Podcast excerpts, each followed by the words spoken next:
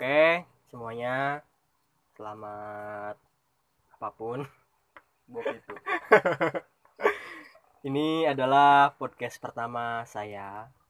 Di sini saya bersama teman-teman akan mengobrol berbicara santai lah tentang tentang desa kami yang terle- yaitu desa Bantar Kawung. Bantar Kawung terletak di Kecamatan Bantar Kawung, Kabupaten Brebes, Provinsi Jawa Tengah.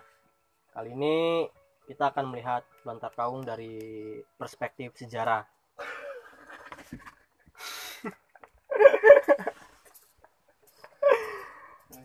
Aduh, berat. Aduh. Aduh. dari perspektif sejarah ya. Numpang lahir unggul. Langsung saja saya bertanya ke teman saya dulu. Eh, Mas Ayes, merekam deh.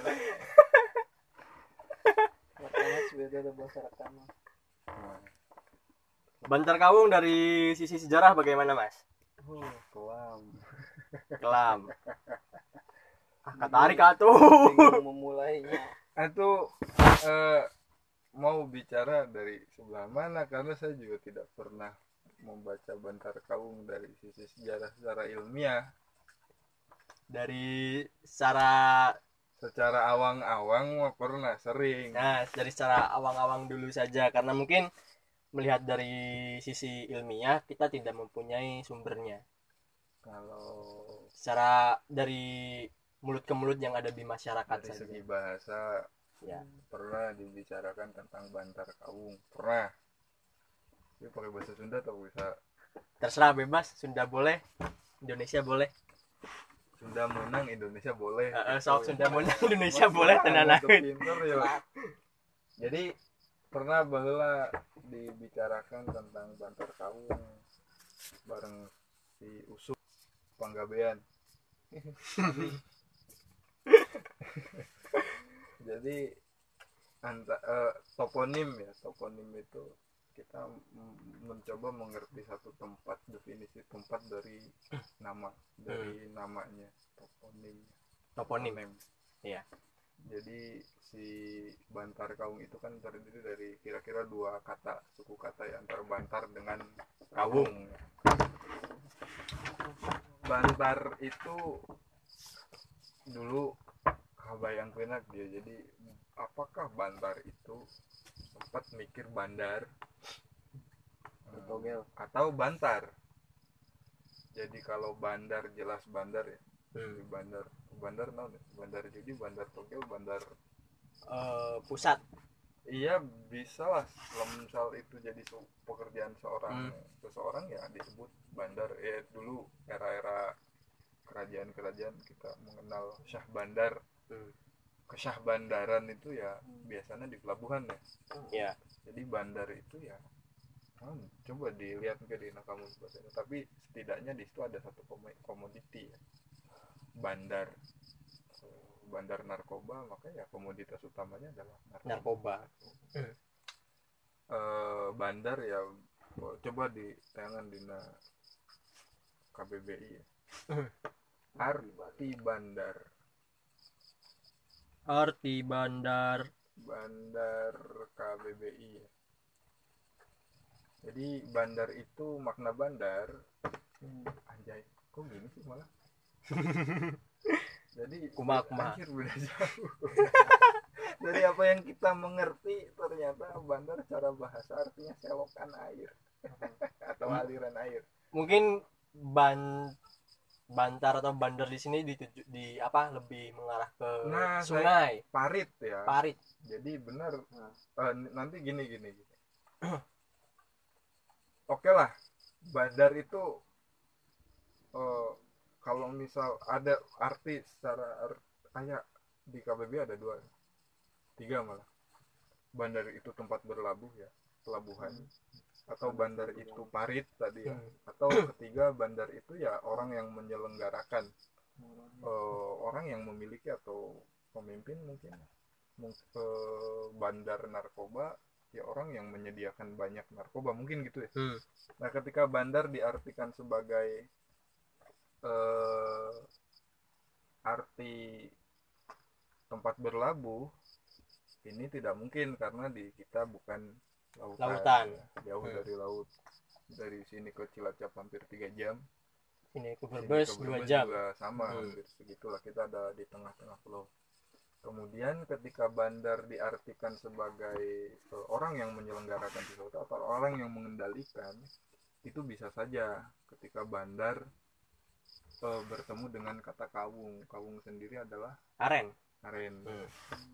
jadi bisa juga orang sini mungkin dulunya orang-orang yang punya banyak aren pohon aren karena Hmm. pohon aren sendiri dari dulu memang sangat dimanfaatkan terutama di kolang kaling dan gulanya kan Hmm. Terus airnya air apa Air nira. air nira ya. Hmm. semuanya kan dipakai bisa saja bandar kawung atau bantar kawung kalau diambil dari kata bandar yang berarti eh, apa orang yang memiliki banyak Hmm. komoditas kawung ya berarti bandar kawung adalah orang-orang dulunya ditempati oleh orang-orang yang eh, memiliki banyak aren atau sebelum ada orang di sini mungkin tempat ini yang sekarang namanya Bantar Kaung itu dulu didominasi oleh perkebunan aren atau Hmm. hutan aren mungkin karena sampai sekarang juga aren biasanya ditemukan di hutan karena di, di kuburan.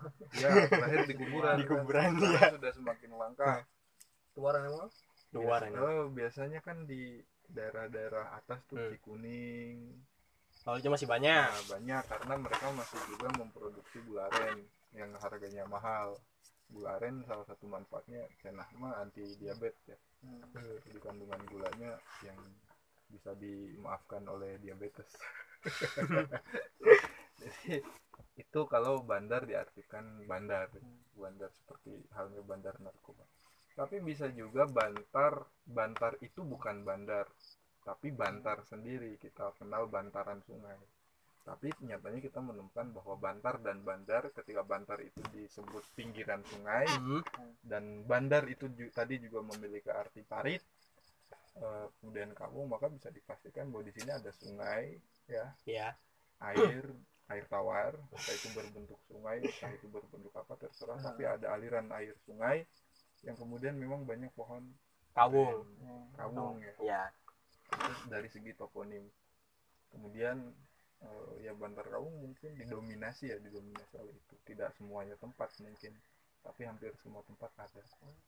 Nah itu secara arti makna. Kalau Bantar Kawung di secara sejarah didirikan kapan tidak tahu tapi eh, nama itu muncul kapan juga kita toh tidak tahu tapi dari catatan Bujangga Manik ya Hmm. Bujangga Manik dari Tatar Sunda Tar Sunda. Hmm. itu dia mengatakan bahwa batas eh, batas budaya batas budaya Jawa dan Sunda. Jawa dan Sunda itu Hmm. ada di kecamatan kita di batas batasnya berupa kali kemali jadi itu batas budaya dari Bujangga Manik bahwa di sini memang Sunda Oh ya, jadi Bantar itu terletak di Kabupaten Brebes, namun bahasa secara budaya itu Sunda dan ya itu disebabkan dari menurut naskah Bujangga Manik itu batasnya di Sungai, Sungai Pemali ini yang kebetulan Bantar Kawung berada di sebelah barat. Yang- biasanya dulu itu batas sebuah daerah biasanya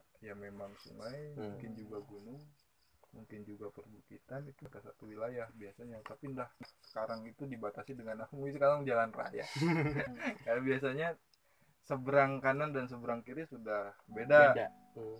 sudah terpisah sekarang kan yang memisahkan kebudayaan salah satunya jalan raya ya kan Iya. Hmm. sok blok kidul dengan blok Kaler. kaler itu biasanya Jalan raya. karena jalan raya kan lalu lalang ke- ramai gitu Hmm.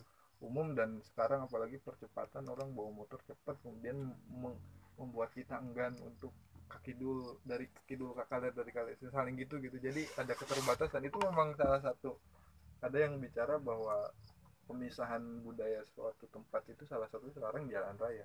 Jalan raya. dulu tidak bisa karena dulu jalan raya itu tidak seramai sekarang tidak sekencang sekarang. Dulu katanya kalau ada truk angkutan umum dari Bantar Kaung ke Bumyayu zaman tahun kira-kira 70-an atau 80-an itu jalan itu pasir eh awalnya kerikil di atasnya di eh, di nanarana di aspal disemprot ke aspal tuh Hmm. nu pakai kaleng di bolongan Iya. nah itu kemudian ditumpuk pakai pasir Hmm. kemudian ditumpuk lagi pakai kerikil baru di paling atas itu si ini si pasir lagi Pasir. jadi permukaan paling atas itu pasir bukan aspal aspal itu hanya perekat eh, pondasi si kerikil itu nah dulu katanya truk umum yang angkutan umum truk tahun 80-an itu power. Ya. Power mungkin. Tuh itu sampai saking dologna saking lambatnya bisa dikejar ke budak lompatan karena sangat lambat. Jadi dulu orang masih raket karena jadi jalan bukan hambatan. Sekarang salah satu pemisah nah, itu bisa dikatakan jalan. Kita semakin jauh lah itu balik lagi karena eh, non tadi batas ya batas batas Sunda dan Jawa itu sungai sungai Pemali kali Pemali ya. Maka kita kenal beberapa kecamatan yang dibatasi sungai Pemali. Ketika sebelah barat sungai Pemali maka bisa dipastikan ya hampir bisa dipastikan bahwa itu Sunda. Kecamatan Bantar Kaung kemudian ada Banjarharjo kemudian ada Salam Ketanggungan kan. Salem jelas lebih barat dari eh, lebih barat dari dari kita. Bantar Kaung ya. ya setelah sungai itu sebelah timur sungai maka dia akan Jawa kebanyakan Jawa gitu. maka kita ada di bertempat di perbatasan satu wilayah dan budaya Hmm. maka tidak heran ketika sebuah wilayah yang bertempat di perbatasan maka dia rawan konflik rawan konflik itu bukan hanya fisik ya tapi bisa dikatakan salah satunya rawan budaya budaya jadi pernah kan satu ketika kita itu orang mana sih orang Sunda tapi Hmm. tidak bisa angklung bukan orang Jawa tapi bisa banyak beberapa tradisi yang eh, seakan-akan dari Jawa gitu. nah itu sih kalau Batar kamu itu apa dari segi sejarah Lah, kemudian masyarakatnya masyarakat eh, nggak tahu ya kalau lihat saya kadang gini cara mengerti tanpa dasar ya tanpa data ini untuk menolong ketika kita tidak punya data kita lihat masyarakat secara genetik. Coba misal tanyalah empat mbah kita ke atas. Itu orang mana? Maka kita akan tahu gen kita ke mana gitu. Hingga eh, beberapa keluarga di Bantar Kaung bagian kidul tukangan masjid Hmm. Tusuk CS oke. itu keluarga Arab. Oh, eh, kan? Arab. Dia Arab tapi nggak tahu marganya apa Baswedan atau Basalama atau Basin atau apa nggak tahu. Tapi dia memang turun Arab dari muka juga kelihatan balangir kan. Kemudian ketika Pak Temu Jalma Sipit juga kadang saya mencurigai mungkin Jepang atau Cina, Cina, gitu. ya. karena Cina lebih lama di sini kan. Di Nusantara Cina itu udah dari sejak sangat lama. Cara dengan mah di Duku Gempol malah ayah makam Cina. Terus eh, maksudnya ayah komunitas Cina lah. Hmm. terus dihabisi kan. Hmm. dihabisi dan lompat saya ngobrol iya teh mungkin yang tersisa adalah kamu yuk. Karena tiga ya, nol sedikit. Termasuk tetangga depan saya itu almarhum. Katanya turunan Cina juga sih. Nah iya, Hmm. tapi turunan Ci- Cina itu Cina Arab dan yang lain-lain bisa jadi mereka memang masyarakat kolonial. Itu. masyarakat kolonial dari Tegal memang dia ya ke sini atau bisa juga itu di era kolonial di era tahu kita. Yes coba kita cari sesuatu yang bisa kita gali dari toponim saja mudah mudah. Kalau toponim toponim itu agak sedikit mudah kalau menurut saya mengerti sejarah. Sekalipun nanti kita tinggal mencocokkan datanya ada tidak gitu. Jadi kan kita karena tidak ada data. Hmm. sehingga misal di di Pakiringan ke Pakiringan ke selatan Hmm. ya. Kita kenal di situ ada Gunung Jati. Ada tidak? Bahkan katanya ada makam kuno di sana ada tidak hubungannya dengan Gunung Jati yang ada di Cirebon Sunan Gunung Jati? Ada tidak gitu. Kemudian misal ada Jipang desa Jipang. Jipang berhubungan tidak dengan area Area Jipang, Jipang. gitu. Hmm. ternyata katanya ada petilasan di sana kan? Di dekat lapangan nggak salah di Jepang nah itu itu bisa kita sangkut sangkut pautkan gitu. Untuk mengerti. Eh, kalau misal di sana ada area- eh, tempat katanya memang katanya katanya ini lagi-lagi katanya karena tidak ada data. Maksudnya data yang tertulis ya. Kalau data lisan mungkin masih bisa kita dapat katanya eh, Aryo Penangsang pernah ke daerah yang sekarang jadi Jipang di kita itu. Hmm. udah ada petilasan. Petilasan itu bisa tempat zikirnya bisa tempat beristirahatnya itu biasanya dijadikan petilasan. Itu namanya petilasan. Eh, kemudian ya bisa misal oh Arya Penangsang ke sana punya turunan misal karena bertemu dengan orang sana dan memiliki turunan. Ya mungkin sekarang orang Jepang turunan Arya Penangsang semua gitu. Tapi kan tidak bisa dong kita mengatakan bahwa Arya Penangsang pemberontak. Berarti Jepang pemberontak ya nggak boleh nggak boleh gitu karena tidak ada data. Tapi untuk mengerti sekedar mengerti masa lalu sebuah daerah itu seperti apa ya sangat membantu kita menggunakan metode itu. Toponim buaran apa sih buaran ternyata buaran tidak hanya di sini di Pekalongan juga ada buaran kan buaran itu yang pernah saya baca mengacu pada lapangan atau apakah karena dia punya banyak aran yang melahirkan banyak aran bu aran Bu kan? Aran. mungkin kalau tidak pak aran, Aran. gitu.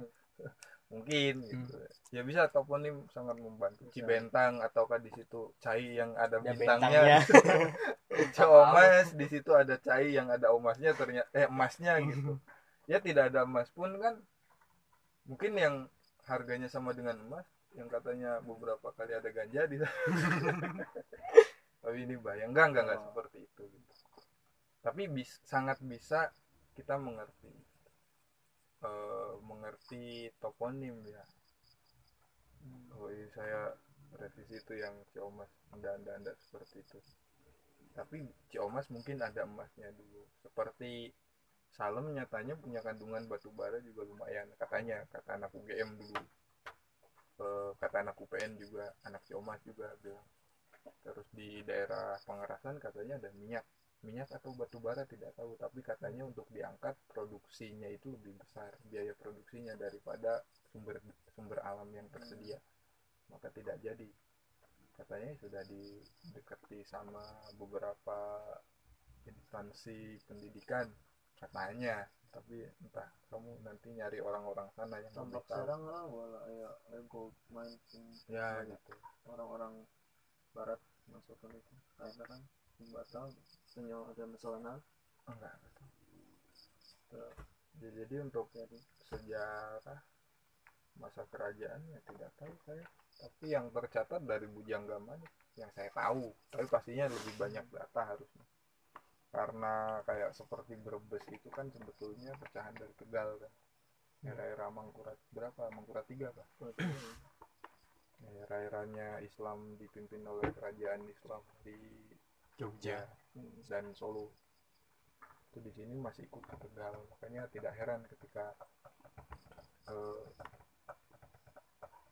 apa secara kontur wilayah bukan kontur wilayah pembagian wilayah lumayan lucu kan ketika kita di sini Brebes terus mau ke Tegal eh mau ke, Mau ke Brebes, ya? Utara lewat Harus melewati Tegal dulu, baru masuk. Brebes lagi Oh. gitu itu mungkin karena kontur alam atau apa mungkin tapi secara pasti tidak tahu saya tinggal menarik sih kalau misal dari toponim kemudian dari gen dari gen ya dari gen. So gen itu bisa dari secara fisik biologisnya eh, orang sipit mungkin ada Cinanya orang Bangir mungkin ada Arabnya orang kita mungkin ada Indianya gitu. Kalau berhubungan dengan dunia luar negeri ya. Tapi kalau dengan dunia sini ya bisa ya orang hitam mungkin orang timur ya orang Bangir mungkin juga orang timur orang timur juga ba- Balangir kan. Hmm. orang keriting juga mungkin orang sana gitu. Jadi ini masalah genetik bukan masalah rasis atau gimana bukan. Tapi ini kemajemukan sebuah daerah biasanya daerah kita itu majemuk. Satu wilayah itu bisa diisi oleh beberapa ras gitu. Di cukup asik tuh ketika misal Bantar Kau nyatanya di RT saya saja sebagian orang Jawa. Ada yang dari Solo Pak Dodo tuh Solo Hmm. terus si Aji bahnya itu Kelaten apa mana? Jogja kan? si Dewi. Dewi. Dewi oh iya. Jadi kita akan mengerti gitu. Sebenarnya daerah sini tuh daerah dulunya komposisi masyarakatnya seperti apa sejarah sejarah itu kan tidak mulu-mulu ngomongin kekuasaan ngomongin apa tapi ya sejarah juga membicarakan tentang sosial gitu.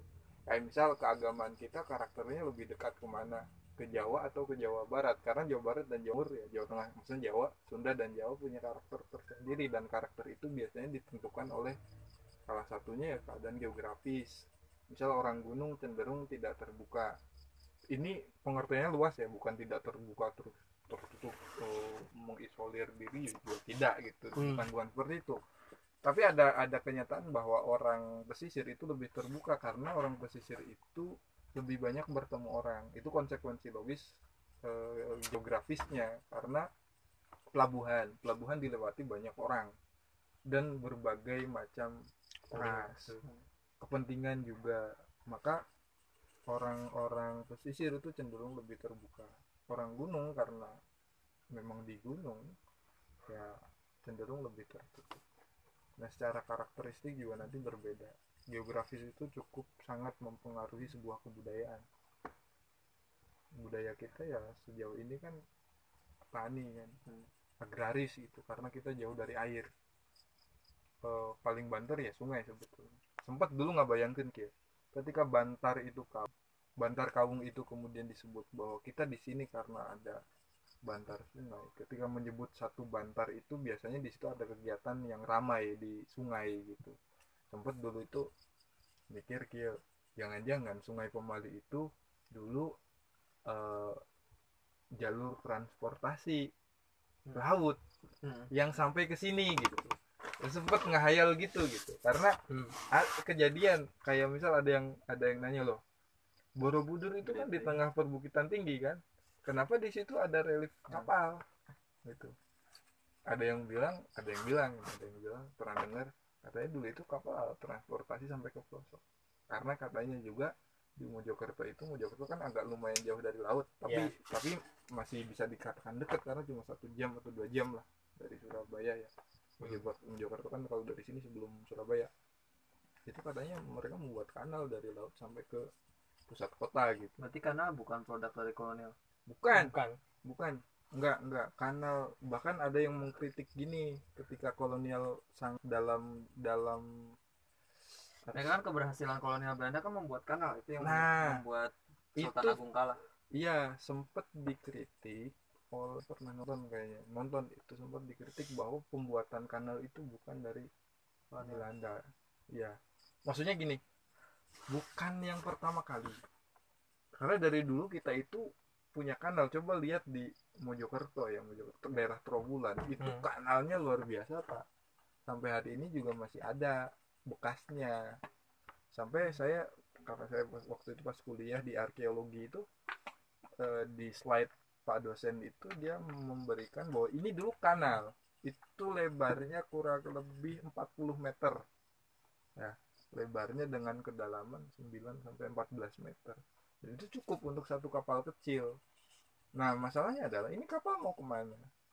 Apakah untuk di situ saja? Kan tidak mungkin tidak karena dulu itu kita terkenal maritim itu menghubungkan satu pulau dengan satu pulau yang lain dengan lautan sebagai jalur transportasi.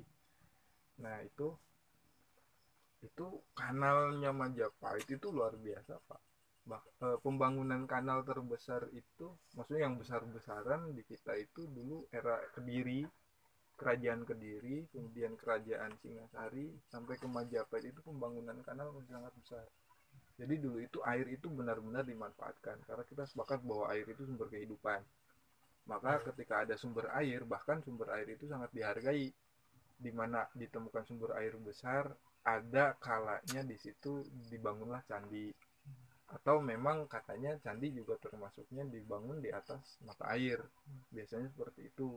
Nanti sebagai monumen penghargaan misal misal yang misal di Bangbayang ditemukan mata air yang sangat besar yang bisa mencukupi kehidupan masyarakat setempat.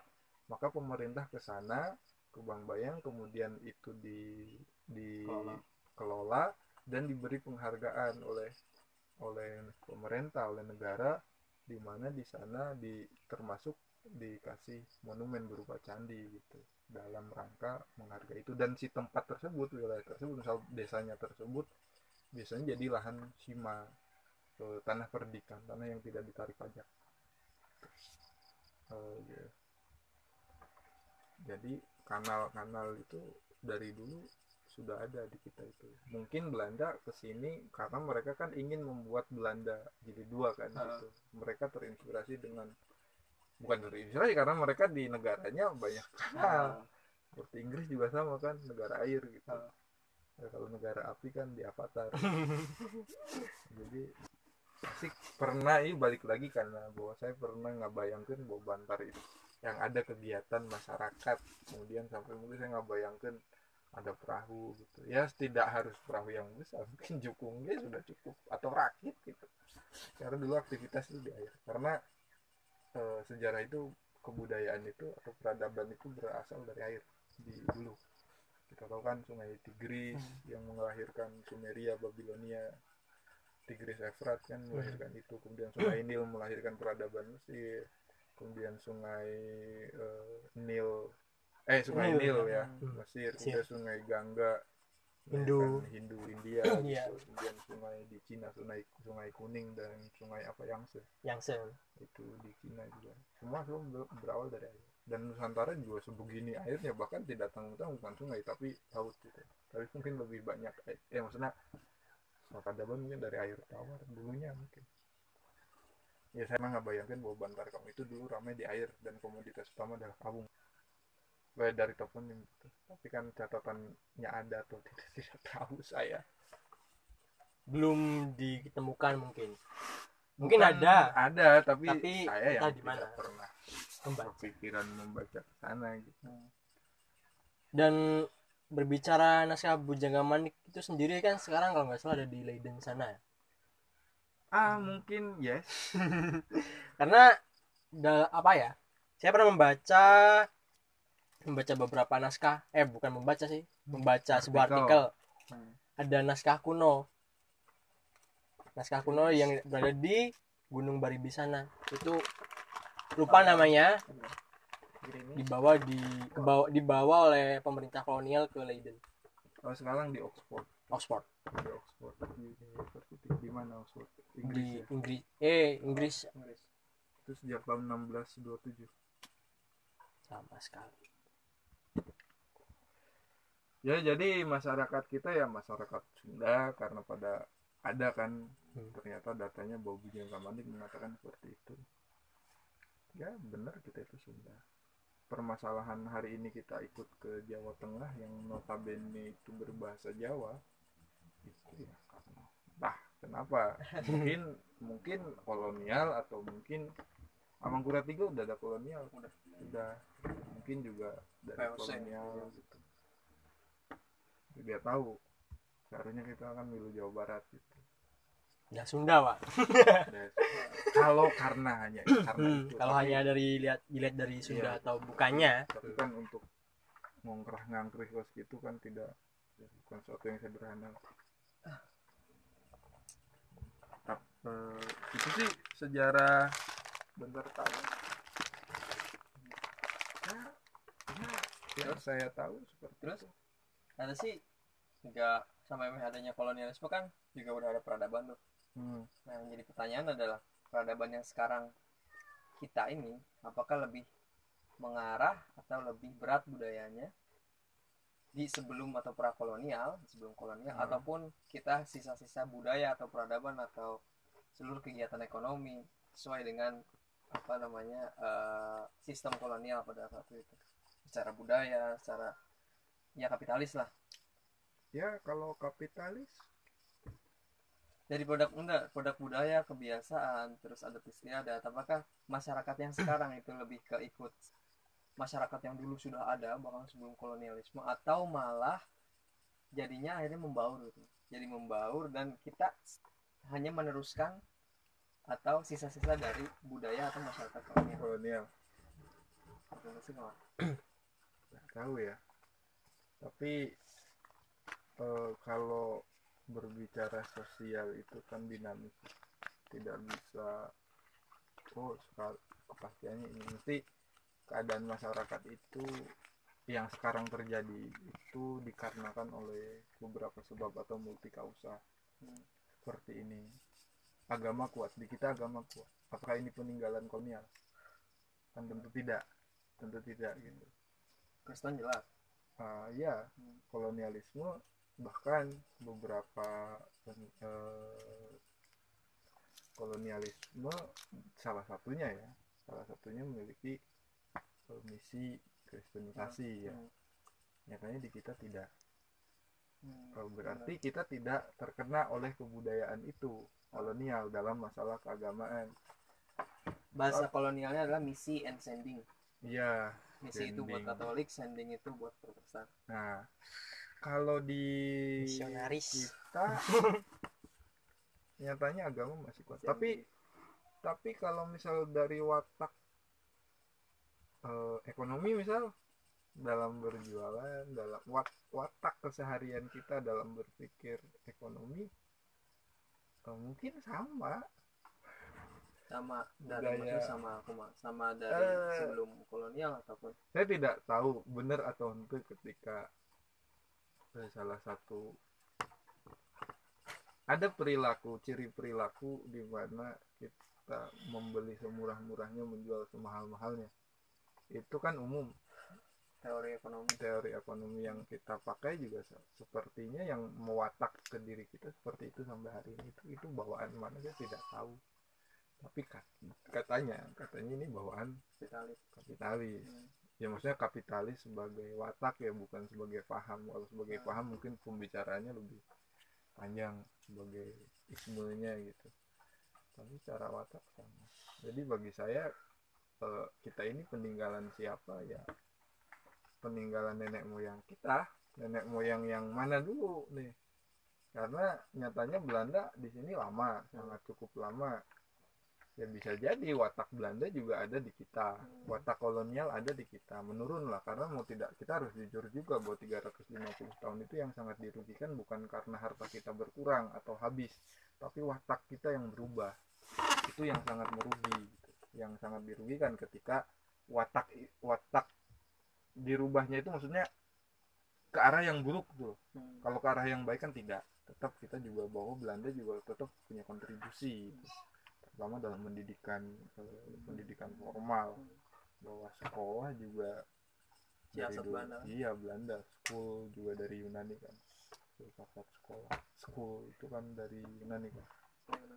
Uh, kemudian kalau misal saya tidak tahu cara memisahkan mana budaya Belanda mana budaya eh, masyarakat asli gitu atau budaya kerajaan yang masih ada ya paling gampang agama Hmm. agama masih masih kental di sini kemudian oh, budaya kolonial ya apalah. Dalam bahasa juga kita mengenal beberapa istilah bahasa Belanda di kita sendiri kayak brug. Tiga ribu kosakata lebih. Iya kan ada beberapa dan kita juga pakai gitu. Sama sih. Tapi kalau watak secara keseluruhan saya pikir orang hari ini tidak tidak banyak berpikir bahwa "Ah, saya itu saya itu diwarisi wataknya siapa gitu. Orang mungkin hari ini tidak mementingkan itu karena berpikir seperti itu tidak membuat kita sugih gitu. Tidak kita mau tidak Iya, membuat kita gitu. sugih dan tidak membuat kita sebe hal seperti itu dibicarakan biasanya di ranah akademik. Hmm. eh, tapi ah, sangat asik dan sangat keren ketika masyarakat sadar itu maksudnya kita berbicara itu asik sebetulnya. Ya nanti kita akhirnya punya gerakan yang kemudian mengarah ke arah yang lebih baik apalagi gitu. Itu Benar, jauh lebih baik. Tapi asik. Coba sering-sering bertemu dengan orang-orang sepuh ya di kita. Tanya masa muda mereka seperti apa. Saya sering ya saya tahu tadi Bantar Kawung Jalan Akosuma ya dari orang-orang tua dulu bahkan channel dokter juga angkutan umum ke Bumi Ayu gitu. Anda masih hidup di zaman kolonialisasi ya mungkin mbah mbah. Bantar warung segala macam asik ya opal kan ke, ke sekolah bantaraan bantaran itu di bantar waru Hmm.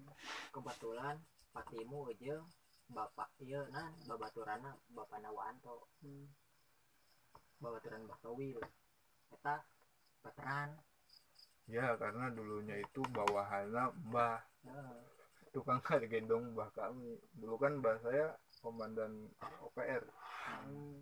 TKR Dewekna cerita ya? eta bantar kaum eta. TKR bantaran eta bantaran. Eta pasukan bantar.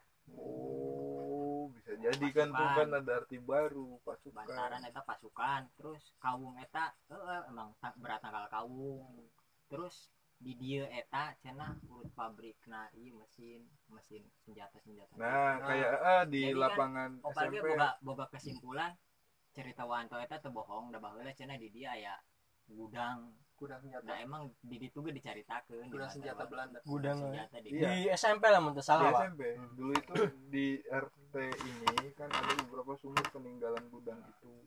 Di Harapan si Aji ya. Terus kan cerita eta diperkuat aja nu tukangan imah opal. Ah. Nu jalma kasurupan tapi didatanganna ku eta ku tentara. Ah, iya. Eta nu imah jadi kupat raja di lapangan iya. Di tengah lapangan iya loh. Tengah lapangan SMP iya. Itu Jepang kan apa masa Belanda? Belanda. Belanda itu kan ayah sumur bukan sumur dan kolah. Hmm. plesteran masih. Kalau sampai hari ini juga Sigana masih sampai hari ini kalau mau digali dan beberapa cenah ya dari masyarakat setempat juga bahwa sering nemu peluru. Tapi memang dulu dulu enggak memang Oh, ada saksi sejarah bahwa di sini. Arwah eta nage geuning nu ngadatangan nage lu tentara. Hmm. aya di imah aya karena imah. karena kayak eh, saya banyak membaca ya apa namanya referensi kolonial. Masa kolonial Belanda itu dibagi tiga. Yang pertama itu masa VOC yang kedua masa kultur kultur stelsel atau tanam paksa. Yang ketiga masa liberal. Nah di mas di tiga masa ya itu banyak sekali perubahan budaya ekonomi lah ataupun watak dan sebagainya. Karena saya baru aja baca buku si Adi si Adi eta ya IAR media judulnya. Nah di dia eta ternyata masyarakat kolonial masyarakat Belanda waktu itu itu wataknya menyesuaikan dengan satu di mana si orang Belanda itu menetap kalau di Jawa jelas beda dengan eh, di Sumatera ya ya, ya. karena budaya atau budaya atau kebiasaan mereka itu mengikuti yang namanya istilah Belandanya bedrijfsleven. Nah, Hmm. bedrijfsleven itu adalah kehidupan industri. Oh, Itu dirasa setelah kultur stelsel kan, setelah apalagi pas zaman-zamannya liberal tuh. Politik itu sekitar 1920 politik etis dan sebagainya. Nah, ternyata yang mana orang Belanda yang hidup di koloni, di tanah koloni, itu sangat tidak membawa uh, membawa kultur Belanda ke sini gitu loh. Jadi mereka yang hidup kultur di sini ya di sini gitu loh. Dan itu sangat jauh beda dengan budaya di Belanda sendiri gitu. Nah, eta di bener kamu eta dimasuki oleh koloni, eta kapan gitu loh? Di masa apa ya? Apakah di masa VOC jelas itu ya kan? Atau yang kedua di masa kultur stelsel atau di masa pra kemerdekaan kah atau sepertinya liberalisme? terus gampangan nanti kalau misal peninggalan Belanda sekarang ada di mana satu yang paling cetakan di ya? Bumiayu Sebenarnya. paling Di dekat Bumiayu, di- untuk radius Bumiayu sampai ke sini tuh masih terbilang sangat dekat Oh. sangat dekat Karena kali gua wah itu. ya Kali gua. kali Kali gua Jepang. stasiun eh Pabrik gula juga. Itu kan- stasiun polsek eh, masih sangat mudah dijamah untuk oh, masih dalam radius gampang dijamah Ya. cuma kemungkinan Belanda masuk ke sini ya mu- mungkin 1900 sudah di sini juga mungkin 900-an berarti. 900 an mungkin itu era-era kultur Hmm. Stelsel ya karena ya nggak sih kultur Kultur eta Tanam setelah- paksa. Setelah perang- perangan 1830 Diponegoro. ya Jadi ya sekitar berada 8, enggak, delapan- 1860 sampai 900. oh berarti Diponegoro usai perang kan 19 eh 1830. 25 sampai 30 kan. 25 30 Lima menit. setelah itu kemudian muncul kultur stelsel 60 pokoknya 60 kan gila berarti 9 1900 ke sini sudah mulai politik etis politik etis ya. Abad 20 kan itu masuknya? Oh, berarti abad 20. ya abad 20 sampai 19 no, Geus kaum liberal eta ibaratnya geus partai liberal di Belanda diberi izin untuk membuka dan nah perusahaan di dia. kalau untuk sekelas Bantar tahun tidak tahu saya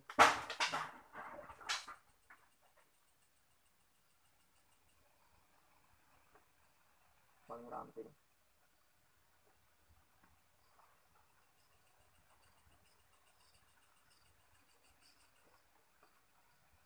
Woi.